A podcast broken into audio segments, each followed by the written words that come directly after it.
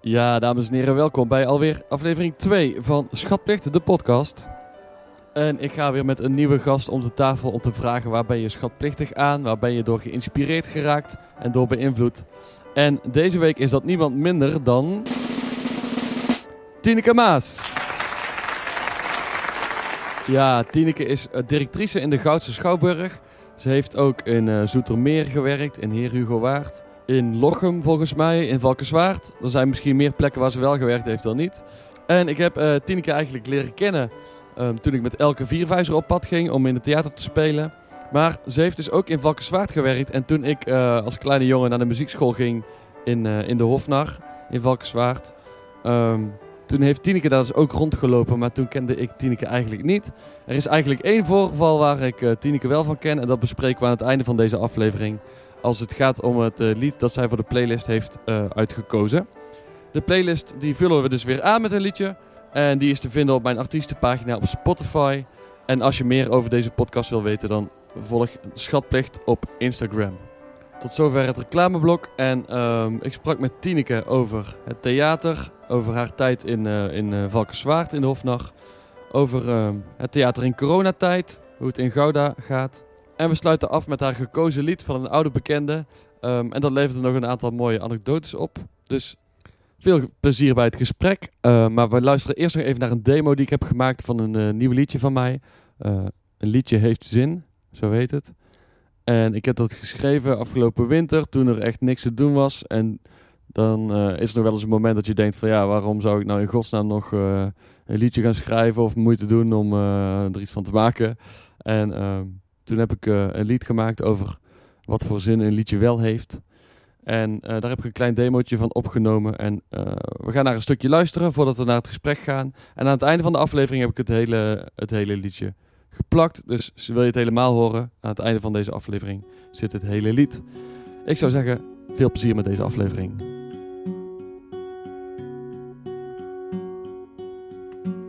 Het bestaat voor wie het horen wil. Het zet de dag even stil. Het geeft je goede raad. Het is een openbare liefdesbrief. Het biedt een ander perspectief. Het staat altijd voor je klaar. Het leeft met je mee. Het brengt jou van A naar B. Het laat alles even gaan. Het zet iets open of aan. Als iets zeker is, dan is het één ding. Een liedje heeft zin.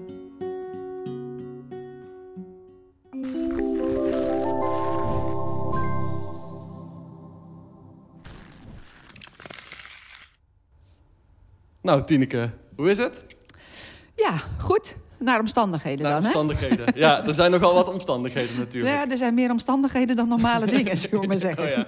Ik weet niet wat de overhand Ja. heeft tegenwoordig. Er zijn alleen nog maar omstandigheden over. Ja, het lijkt me heel fijn om gewoon eens normale dingen weer te hebben. Daar kan ik, daar kan ik wel naar, naar uitkijken. Ja, Ja. begrijp ik. Gaan we het ook zeker over hebben. Ik wil met één ding beginnen, want ik heb namelijk ehm, afgelopen maandag Christel Verdonk gebeld.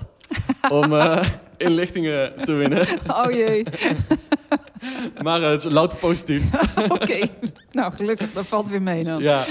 Ehm, voor de goede orde, Christel Verdonk eh, werkt bij de Hofnar, Theater de Hofnar in Valkenswaard. En daar heb je ook gewerkt. Hoe Ja. lang geleden alweer? Ik heb daar twee periodes gewerkt. Ik ben in 1999 ben ik daar gestart als bedrijfsleider eh, met Marcel Sas. Toen het gebouw er nog niet stond. En ik heb in het gemeentehuis nog gezeten. En ik zag langzaam die hofnar omhoog komen. Ehm, en daar dus echt gestart met eh, eh, hartstikke fijn, hier heb je gebouw, hier is de sleutel, maak er iets leuks van. Dat was een beetje de opdracht, Ah, ja. zeg maar. Dus mensen aangenomen van de theelepeltjes tot aan het personeel, tot aan eh, beleid gemaakt over, over horeca, verhuur, amateurprogrammering, nou je bedenkt het. Ehm, en toen ben ik na vijf jaar ben ik weggegaan, ben ik directeur geworden in Lochem. En daar heb ik niet heel erg lang gezeten, want na ongeveer anderhalf jaar kwam de positie van directeur in de, in de Hofnar eh vrij. En ehm, werd ik benaderd of dat interessant was voor mij. En zo ben ik er weer terechtgekomen. En toen heb ik er dikke zes jaar nog gezeten. Dus Ah, in totaal kijk, zo'n ah, ja. elf jaar. Christel, ehm, die was toen, eh werd eerst achter de bar, zei ze. En daarna uh, had ze een opleiding gedaan, ik weet even niet welke. Hogere toen... Hotelschool. Ah ja, en toen werd ze hoofd van de horeca. En in, die, in dat verband hebben jullie samengewerkt? Uh, vanaf het begin. Ik heb haar aangenomen, toen was ze denk ik 16. Oh ja, oh grappig. Ik denk dat ik, ik leerde haar kennen via Sander, via de broertje. Uh, omdat hij bij ons achter de bar werkte. En ik was ook verantwoordelijk voor die horeca, dus ik heb al die mensen daar zelf aangenomen.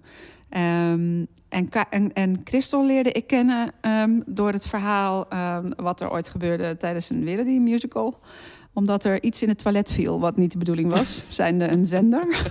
Oh, oh. Leuk, zei Jan detail, Christel. Lekker, ja. Lekkere binnenkomer uh, ook. Leuke binnenkomer, ja.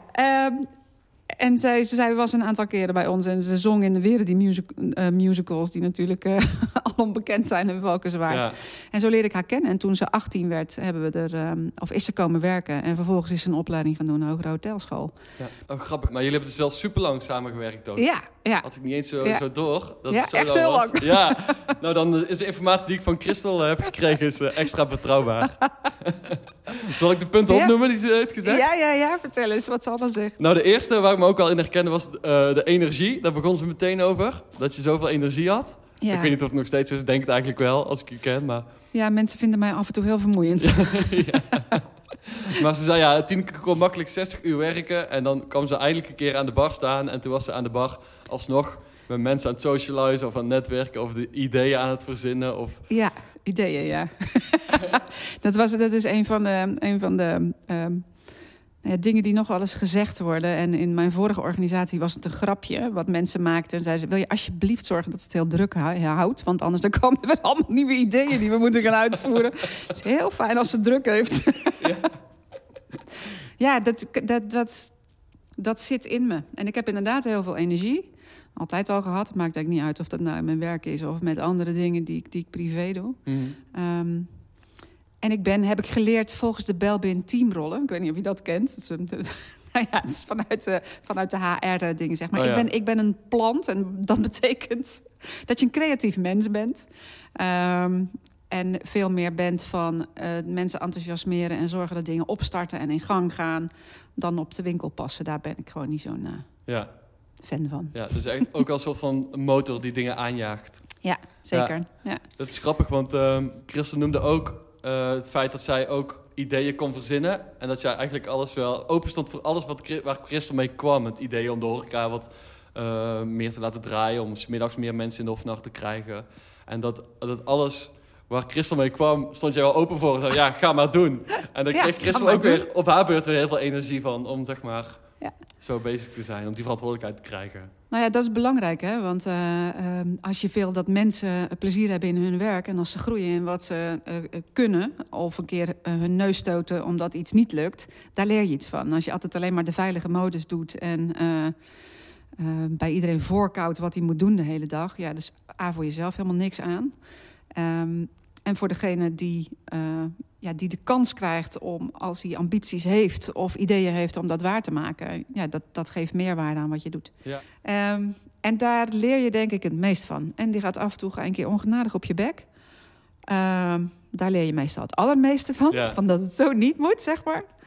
Uh, en je moet gewoon niet bang zijn om dingen te doen, dingen te vragen. Uh, ja, wat is het ergste wat je kan overkomen, denk ik altijd. Ja, dat lijkt me een hele goede instelling.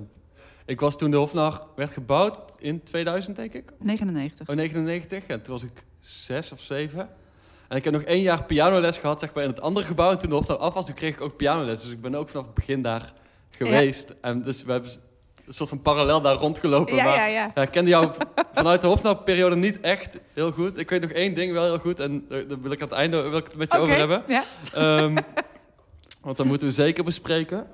En um, laten we de dingen die Christel heeft genoemd uh, misschien even afronden. Ja, ja, ja. En dat is namelijk dat zij ook uh, zeer specifiek noemde dat uh, je vond dat een uh, avondtheater meer is dan in de zaal gaan zitten en de voorstelling bekijken en weer weg. Maar dat het hele, de hele, het hele uitje, zeg maar, dat echt een hele avond uit moet zijn met alles wat daarbij hoort. Een soort totaal, totaal ja. theater. Klopt. Ja, en niet, niet eens alleen maar het theater. Ik vind dat zo'n avond begint eigenlijk al met het je verheugen. Voordat je überhaupt in de buurt bent. Ja. Want je, je gaat.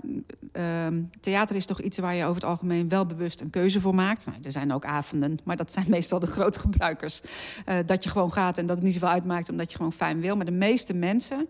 ehm, gaan heel wel bewust een avondje theater plannen. Dus je hebt al voorpret. Dus ook vind, ik vind dat ook een, een, een taak overigens van eh, theaterorganisaties... om te zorgen dat die voorpret zo groot mogelijk is. Dus mensen moeten van tevoren al informatie krijgen... moeten de, de kans hebben om zich erop te verheugen. Als er iets te melden is rondom een bepaalde voorstelling of een artiest... moet je zorgen dat die informatie bij de potentiële eh, eh, bezoekers terechtkomt. En ja, wat ik heel vaak gezegd heb in de Hofnar... en dat weet ik nog wel, met name tegen de horeca-mensen is... mensen kunnen nog zo'n slechte dag hebben gehad... en hier aankomen met een ongelooflijk chagrijnig gezicht... geen parkeerplek kunnen vinden, wat ook nog wel eens aan de hand was rondom de Hofnar. Vervolgens in de zeikende regen tot we ontdekking komen dat ze hun paraplu zijn vergeten. Um, en die stappen dan hier over de drempel. En het is onze taak en opdracht om te zorgen dat die mensen hier weggaan met de grootste smile die je kunt bedenken. En dat is wat wij kunnen toevoegen. Buiten, hè, als theaterorganisatie, buiten zorgen dat er goede dingen op de planken staan en dat er een mooie voorstelling is.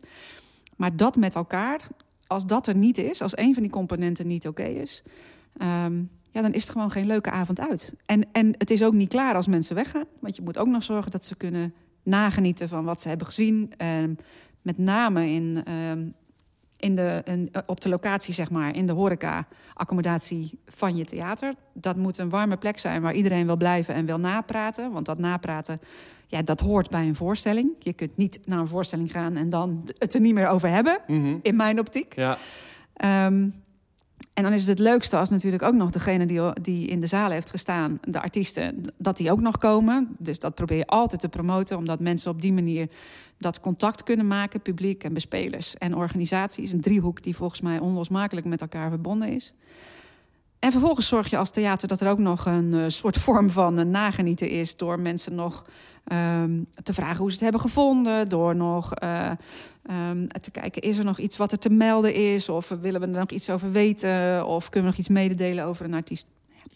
Wat je maar kunt bedenken om er een totaal plaatje van te maken. Ja. Ja. ja, en dat noemde Christel ook heel specifiek. En uh, ze zei ook dat er nog uh, soms gelachen wordt over dat er avonden waren, een, bijvoorbeeld een discoavond waarin ook het barpersoneel in disco-stijl verkleed uh, moest. Ja. En daar wordt nog steeds af en toe heel hard om gelachen om die herinneringen. En uh, sommigen vonden dat leuk en sommigen vonden het ook helemaal niks. ja, ja ik, ik kwam laatst ook nog weer wat foto's tegen dat we. Um, volgens mij in, allerlei, in kleding vanuit allerlei werelddelen. Wij allemaal, hè? ik ook. En, uh, en, en Marcel ook. Iedereen deed daar aan mee. Er was geen ontkomen aan. um, en dat, we daar, ik, dat ik zelf als een soort geisha daar met van die enorme mouwen. Nou, dan moest je proberen om daarmee rond te lopen en bitterballen uit te delen. Zeg maar. Dat was drama was het, met stokjes op maar. Um, we hebben ook en, en, maar we hadden ook heel erg veel plezier daarin. Want er waren natuurlijk mensen die het minder leuk vonden. Maar over het algemeen um, konden, we daar, konden we daar ook ongelooflijk van genieten zelf. Om te zorgen dat iedere keer als er mensen binnenkwamen... of laat ik het zo zeggen, als bezoekers wisten dat we een soort themaavond weer hadden... dat ze echt vol verwachting kwamen ja. met de vraag van... wat hebben die maloten nu weer bedacht? Ja, precies. Ja. En, En dat we- is ook, dan is het meer dan zorgen dat de garderobe bezet is. En, eh, Zeker, blablabla. ja, Dan eh, zeker. wordt het ook iets bijzonders wat je na al die jaren ook onthoudt nog. Ook voor het Ja. personeel, zeg maar. Nou ja, een van de, ik, er zijn twee dingen die ik daar heel specifiek nog van onthoud. Dat, dat is, ehm, dat is eh, Sander Verdonk, de broer van Christel. Die met een enorme sombrero achter de bar stond. Die op zijn rug hing. Nou, daar kun je iets bij voorstellen wat er gebeurt. Ook een gitaar had hij ook nog op zijn rug hangen. En die stond dus achter de. Nou, dat was, een, was echt een drama. Iedere keer als hij zich omdraaide, dan had hij ofwel een ander personeelslid of iets in de bar te pakken. Ehm, en een andere die ik me nog herinner is dat we zelfs met wat we deden in Japan in de krant hebben gestaan. Omdat we een Japanse percussiegroep op bezoek hadden. En wij dus niet alleen de aankleding of het personeel iets mee deden, maar ook zorgden dat er themadiners waren. Dus we hadden echt het café leeggehaald. We hadden eten, eh, Japans eten. Um, we hadden Japanse bloemsierkunst. De, de, de bediening liep als geisha's en als dingen. We hadden alle maniertjes en hoe dat ging in Japan. En het, het eten was er. En dat gezelschap dat kwam. En die, hadden, nou, die vonden het echt helemaal bizar wat wij gedaan hadden. Het was net een stukje Japan zo achter in het achterste deel... Oh. na de bar van de Ja. Hofnar. En daar zaten allemaal mensen met hun, eh, met hun stokjes... op kussens aan laagtafels eh, te Ook eten. dat. Ja, en die, en die Japanners die echt, nou, zoals ze zijn, met fototoestel. Hè, dus die gingen alles fotograferen. En ik wist niet dat de, de manager van die groep die erbij was... ook nog journalist was in Japan. Dus later kreeg ik dus, ik kan echt niet lezen wat er stond... ik kreeg een Japans artikel met eh, foto's van de Hofnar... omdat zij daar op tour waren van die gekke Nederlanders... Oh, wat die gaaf. allemaal deden. Nou, dat soort dingen. Ja. ja, dat zijn ook goede herinneringen. Ja, kan ik me zo voorstellen. Ja. Dat is gaaf. Het is jammer dat ik te jong was eh, in die tijd om die periode, de, de carnavaleske periode van de Hofnar, mee te Ja.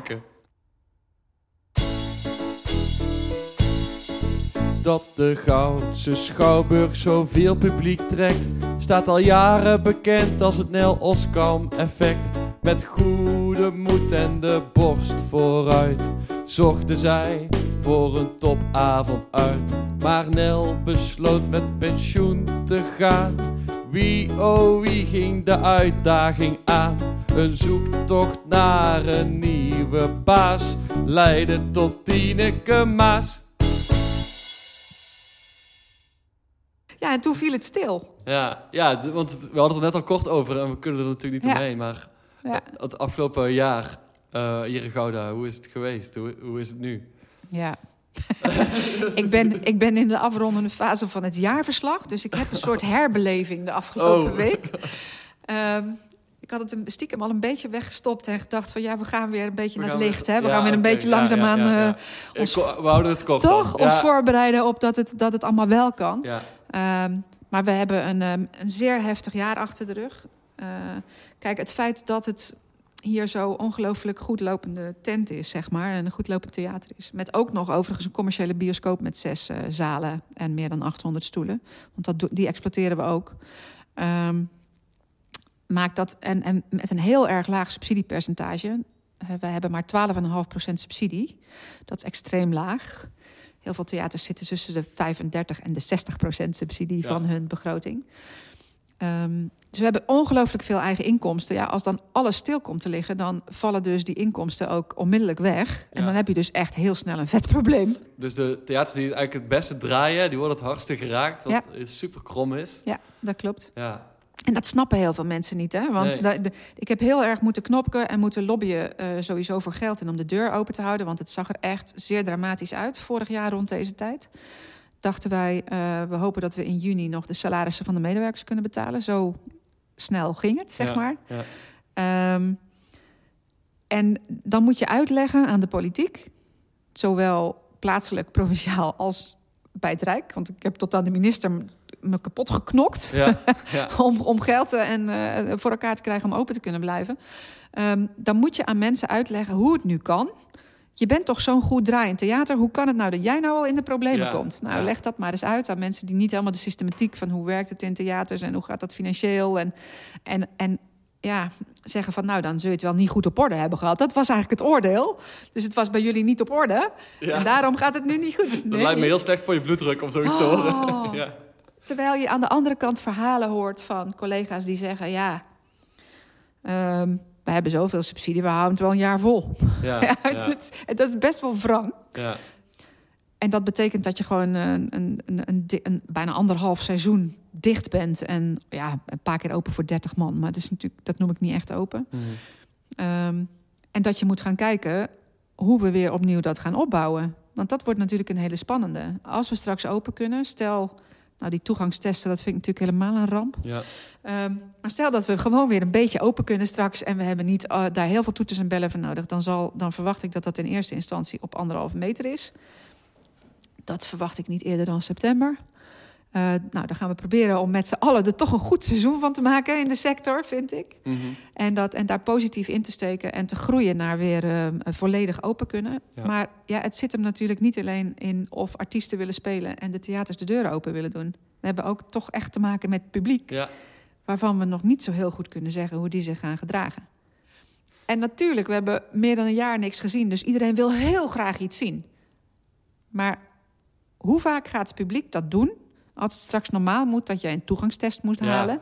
Of dat je geen horeca kunt gebruiken. Nee, we hebben het over de totale ervaring gehad de avond uit. En als je dan door de stromende regen naar het theater bent gelopen... en je moet een, een coronatest In de doen. rij met je mondkapje. Ja, nou ja. Een test. Je mag, Nee. krijgt geen koffie. Je jas moet aan en mee de zaal in. Ja, Na afloop moet je blijven zitten tot, je, tot we je er weer netjes uitlaten om de beurt. Ja, en je mag linea recta, hup, weer de deur uit ja, naar huis. Is, dat is met veel dingen met corona. Dat, de, de lol gaat er wel een beetje af zo, op deze manier. Precies. Ja.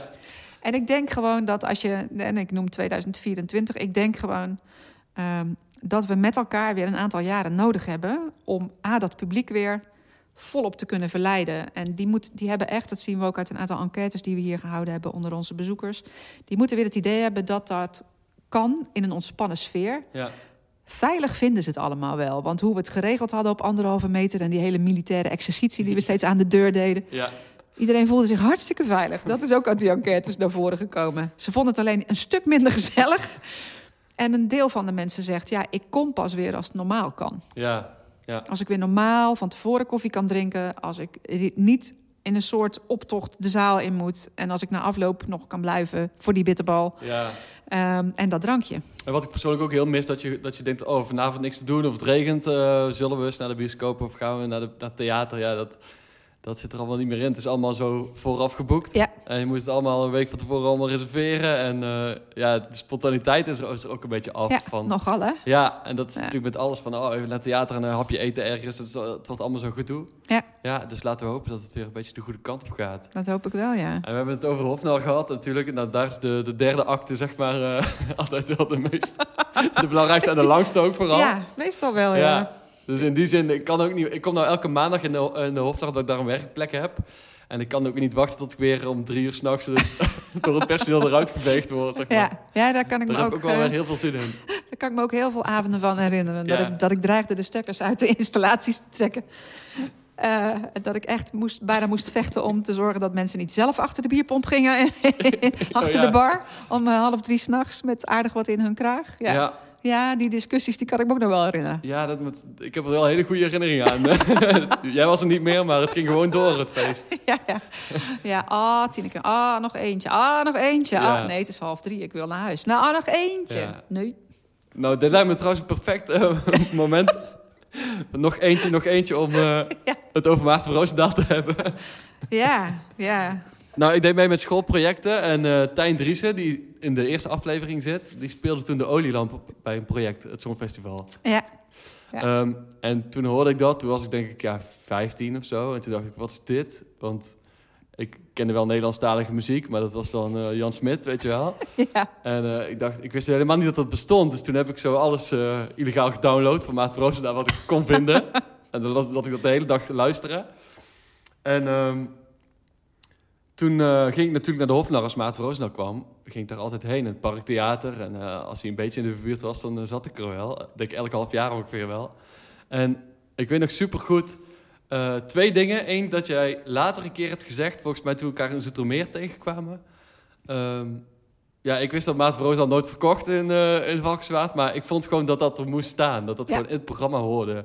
En nou, ik heb daar dankbaar gebruik van gemaakt. dat Maat van Roosendaal er was. En ik weet ook nog heel goed dat, ik, dat we op het podium zaten. Dat er zo weinig kaarten waren verkocht dat de tribune op het podium gebouwd werd. Ja. En het was een soort huiskamerconcert Klopt. met Maarten Roosendaal. Ja. En dat vond ik natuurlijk helemaal te gek. 83 kaarten waren er verkocht. Ja. Ik vergeet dat soort dingen nooit. 83. nou, twee daarvan waren voor mij. En eh, toen ben ik met mijn moeder gegaan. En was, ja, toen kwam ik aan en toen waren de eh, gordijnen dicht. En toen moesten dus met het trapje het podium op. En dan achter de gordijnen was dan dat eh, plekje gemaakt. Ik vond het fantastisch. Ik zat bijna bij Maat Roosendaal op schoot, weet je wel. Bij mijn grote held. En ehm, dat was die voorstelling. Toen kwam ik uit Tilburg omdat ik daar studeerde. En toen liep ik op eh, het busstation in Eindhoven. En toen zag ik zo'n man met een beetje verwarde haren en een zonnebril en een sjaal de bus instappen. En ik dacht, dat, volgens mij is het hem gewoon. Dus ik ben snel die bus ingegaan natuurlijk. En het was niet de bus die ik moest hebben, maar ja, die kans die pak je natuurlijk. En toen zat helemaal in het midden achteraan zat dus Maarten van Roosendaal. Toen ben ik daarbij in de buurt gaan zitten. En toen heb ik met hem gesproken tot aan de Hofnar, tot aan de markt. En daar ehm, was hij uitgestapt omdat hij naar de Hofnar ging. En ik omdat ik de andere bus moest hebben. en eh nou, s'avonds eh, op het podium gezeten en naar hem eh, geluisterd. En Ehm, daarna in de, in de foyer van de Hofnacht, toen stond je met Maarten eh, te praten. En toen, eh, toen heb ik eh, jullie weer bruut onderbroken om, om hem te bedanken en ja, om een gedachte te zeggen. En het was gewoon zo'n bijzondere dag. En vooral omdat die, nou, daarna heb ik hem nog wel een keer of vijf of zo zien spelen, denk ik. Maar ja, op een gegeven moment was het de laatste keer natuurlijk. Ja. Ehm, dus al die keren dat ik hem heb gezien, daar heb ik nog zo, zo goede herinneringen aan. En, ja. En helemaal bijzonder dat ik en Elke natuurlijk eh, de Ja, Maarten Roosdaal hebben gemaakt. En dat, ja. we, dat wij dan weer elkaar in dat verband later hebben gezien. Zeker. Ja, dat, dat zo dat cirkeltje rond was, dat vond ik echt, eh, echt super tof. Ja. Dus sowieso bedankt dat Maarten Roosdaal in de Hofnacht stond. Ja, maar die, kan, die kon niet ontbreken. Ik bedoel, dat is een van de grootste kleinkunstenaars die Nederland ooit gehad heeft. Mhm. En helaas is hij overleden. Ja. En eh, ik, ik heb ook hele warme herinneringen aan hem. En programmeerde hem ieder jaar. Dus eh de, de worst van. En ik probeerde ook altijd om er eigenhandig nog, nog twintig mensen in te lullen, zeg maar, door iedereen te bellen. Je moet echt komen kijken. Het is Ja. super mooi. Ik weet zeker dat je het iets vindt. Anders waren we 63 kaarten geweest. Dat viel niet altijd mee. Maar mensen die één keer gingen, die waren ook verkocht. Ja, En dat is het lastige, weet je. Ja, wat is dat dan? Ja, nou ja, leg dat dan maar eens precies uit. Ehm, ik, ik ben altijd gegrepen geweest door zijn verhalen, maar ook door de persoon. En ehm, nou, de bewuste avond dat jij nog even goeiedag kwam zeggen. Volgens mij ging ik om drie uur s'nachts naar huis. Omdat Mhm. Oh, we tot met Maarten in het café, want hij bleef slapen ergens in Valkenswaard. ja. Dat zou je wel weer geregeld hebben. Ja, hij belde smiddags volgens mij of ik een hotel kon regelen voor hem. Dus dan was het volgens mij drie uur toen ik zelf het licht heb uitgedaan. Ehm, want dat was natuurlijk ook Maarten na Ja. afloop. Eh, en ik, ik ben dat altijd blijven doen, ook in de andere organisaties waar ik, eh, ehm, waar ik gewerkt heb. We hebben hem, we hebben hem altijd geboekt. En ehm, dat is een van de, ik denk ook een van de meest indrukwekkende dingen, of de dingen die me nog het meest bij zijn gebleven, zeg maar, qua avonden. Je ziet natuurlijk ongelooflijk veel voorstellingen eh, als theaterdirecteur. En soms zit het hem in de voorstelling en soms zit het hem in wat er om zo'n voorstelling heen gebeurt. Maar er is één voorstelling in januari, inmiddels is het denk ik zes jaar geleden bijna. ehm, die ik gewoon nooit meer vergeten. En dat was een voorstelling van Maarten. Ik was toen directeur in Koolkunst en Cultuur in Herugelwaard. En hij ehm, kwam en als gebruikelijk was ik er om hem te ontvangen en even bij te kletsen. Mhm. Ehm, voordat hij de voorstelling zou gaan doen. Maar hij was relatief laat. En hij kwam binnen gerend en hij maakte een grapje. En hij zegt, ja, ik kom net uit het AMC. En eh, ja, ik ga dood. En ik maakte nog een grapje van... ja, tuurlijk, weet je wel zo, als we konden geinen... ja, natuurlijk, we gaan allemaal dood. Mhm. Maar dat was eh, een van de laatste voorstellingen Ja. die hij gespeeld heeft... voordat hij gestopt is. Ja, ik kan me wel goed voorstellen dat je dacht dat het een grapje was. Want ja, Maat Ja. had het natuurlijk altijd over de dood of zo. Zwang ook Ja. veel, veel over de dood. Alleen, het was een serieuze, serieuze Ja, en dat, zaak. was, en dat was dus een avond. ehm, zoals ik toen in die voorstelling heb gezeten, dat was eh, zeer bijzonder. En Oh, man, liedjes, ja. liedjes kregen daardoor echt een ander iets dat je dacht: ik ga hem waarschijnlijk niet meer zien. Oh, Dit is de laatste bizar. keer. Want Ja. ik wist dat. Niemand wist dat in die zaal. Maar ik zat daar en ik, ik vond het. Ik was echt helemaal. Ik was echt emotioneel daaronder. Ja, bedoel, ik hou erg van zijn muziek. ja. Maar ik dacht, Dat, ja, dan, ik kan me niet voorstellen wat voor lading dan heel die voorstelling krijgt. Als je dat nou hij heeft daarna nog één voorstelling gespeeld en toen was het klaar. Ja, dat is grappig. Ja, niet grappig, maar ik heb ook in januari toen nog een voorstelling gezien in eh, het Chassé in eh, Breda. En toen had ik zo drie vrienden opgetrommeld van... Ja, jullie moeten dit zien, jullie moeten dit zien. En toen, toen wa- was hij eigenlijk heel eh, slordig en niet geconcentreerd. En, was, en ik dacht van, oh, heb ik eindelijk mijn vrienden de zaal in de geluld. En eh, twee weken later, of één of twee weken later, toen eh, had hij zijn tour gecanceld. En er kwam naar buiten dat hij longkanker had. Ja. En toen dacht ik, oh ja, ja, is ook niet heel verwonderlijk. Ja. Ja. Ja, Nee, dus dat, is, dat zijn. ehm koester de mooie dingen, hè? Ja. En, alles, en al het mooie wat hij gemaakt heeft. En, Ja, absoluut. wat hij, Ja, en het is allemaal tijdelijk, dat blijkt ook alweer. Ja, Zeker, Ja. zeker. Ja.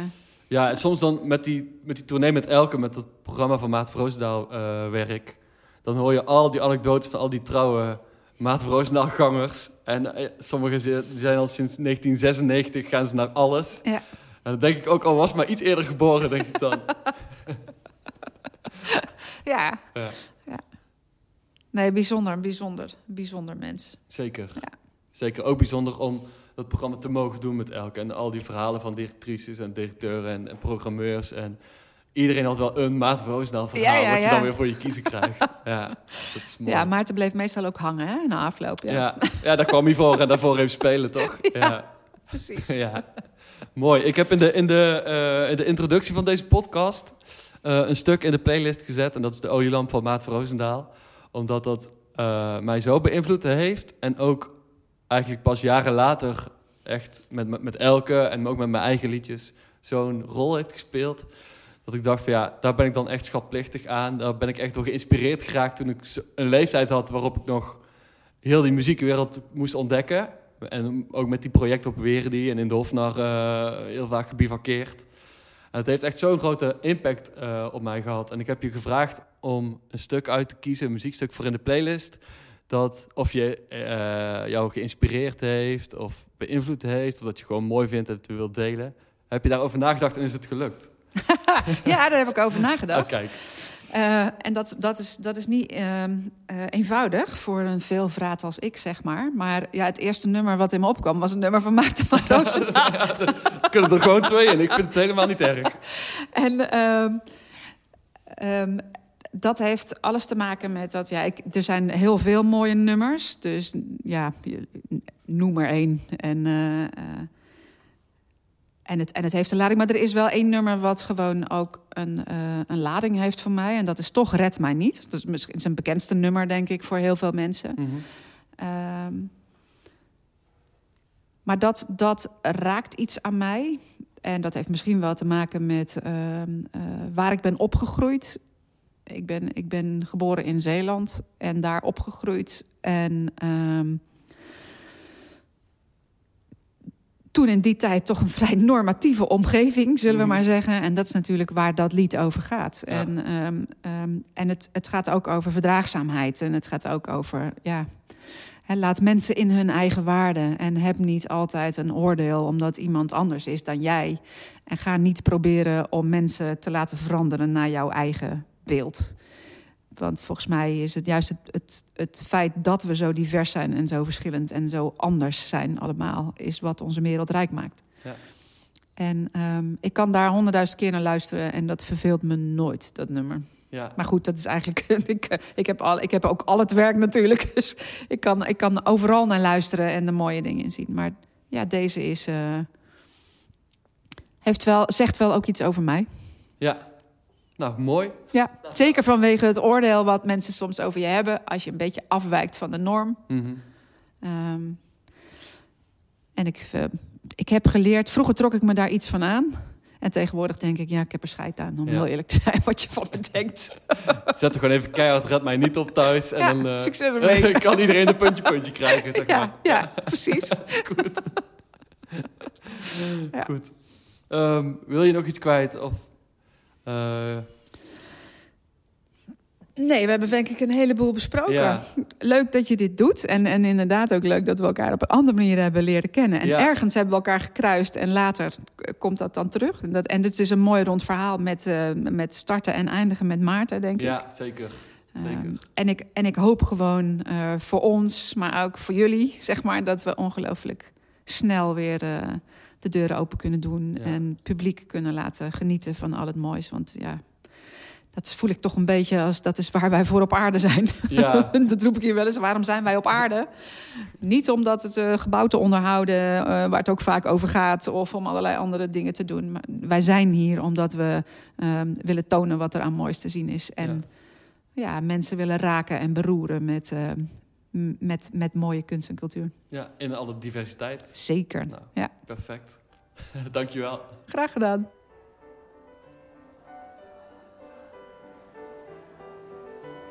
Ja, dat was het gesprek met Tineke. Ehm, ik was de gast in de Goudse Schouwburg. En ik vond het heel eh, tof om, eh, om weer eens even in het theater te zijn. En om, eh, om Tineke te spreken. Dus als Tineke, als je dit hoort, bedankt nog voor het gesprek. Was heel fijn. Ehm, over twee weken ook een hele bijzondere gast. Ehm, daar heb ik heel veel zin in. Vind ik ook een beetje spannend. Maar ehm, het wordt vast een interessante aflevering. Voor nu sluiten we af. Red mij niet van eh Maarten van Roosendaal staat in de playlist. En ik moest kiezen tussen de studio-opname of een live versie. En ik heb, ehm, maar even zo, ben even zo brutaal geweest om de live versie te pakken. Ik vermoed dat Tineke dat geen probleem vindt. Want Maarten Vroosnaar was toch wel echt een koning live spelend in het theater. Dat was echt wel onnavolgbaar. Ehm, dus ik heb de live versie gepakt. En als ik nou ruzie krijg met Tineke, dan horen we dat later wel. We sluiten af, dames en heren, met ehm, de volledige demo die ik heb gemaakt van een nieuw liedje. Een liedje heeft zin.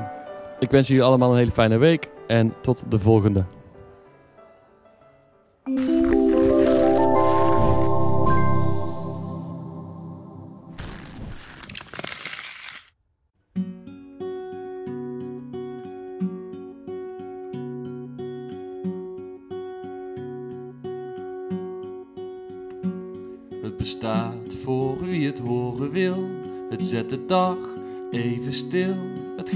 Je goede raad. Het is een openbare liefdesbrief. Het biedt een ander perspectief. Het staat altijd voor je klaar. Het leeft met je mee. Het brengt jou van A naar B. Het laat alles even gaan. Het zet iets open of aan. Als iets zeker is, dan is het één ding. Een liedje heeft zin. Soms dan walst het in het rond. Het fluistert op de achtergrond. Het wandelt met je mee. In de kroeg daar roept het proost. Een ander keertje biedt het troost. Het deelt al het leed door twee. Het leeft met je mee. Het brengt jou van A naar B. Het laat alles even gaan. Het zet iets open of aan. Maar als iets zeker is, dan is het één ding. Een liedje heeft zin. Het beweegt alle mensen op een feest. Het neemt je mee naar een tijd die is geweest. Als iets zeker is, dan is het één ding. Het liedje heeft zin.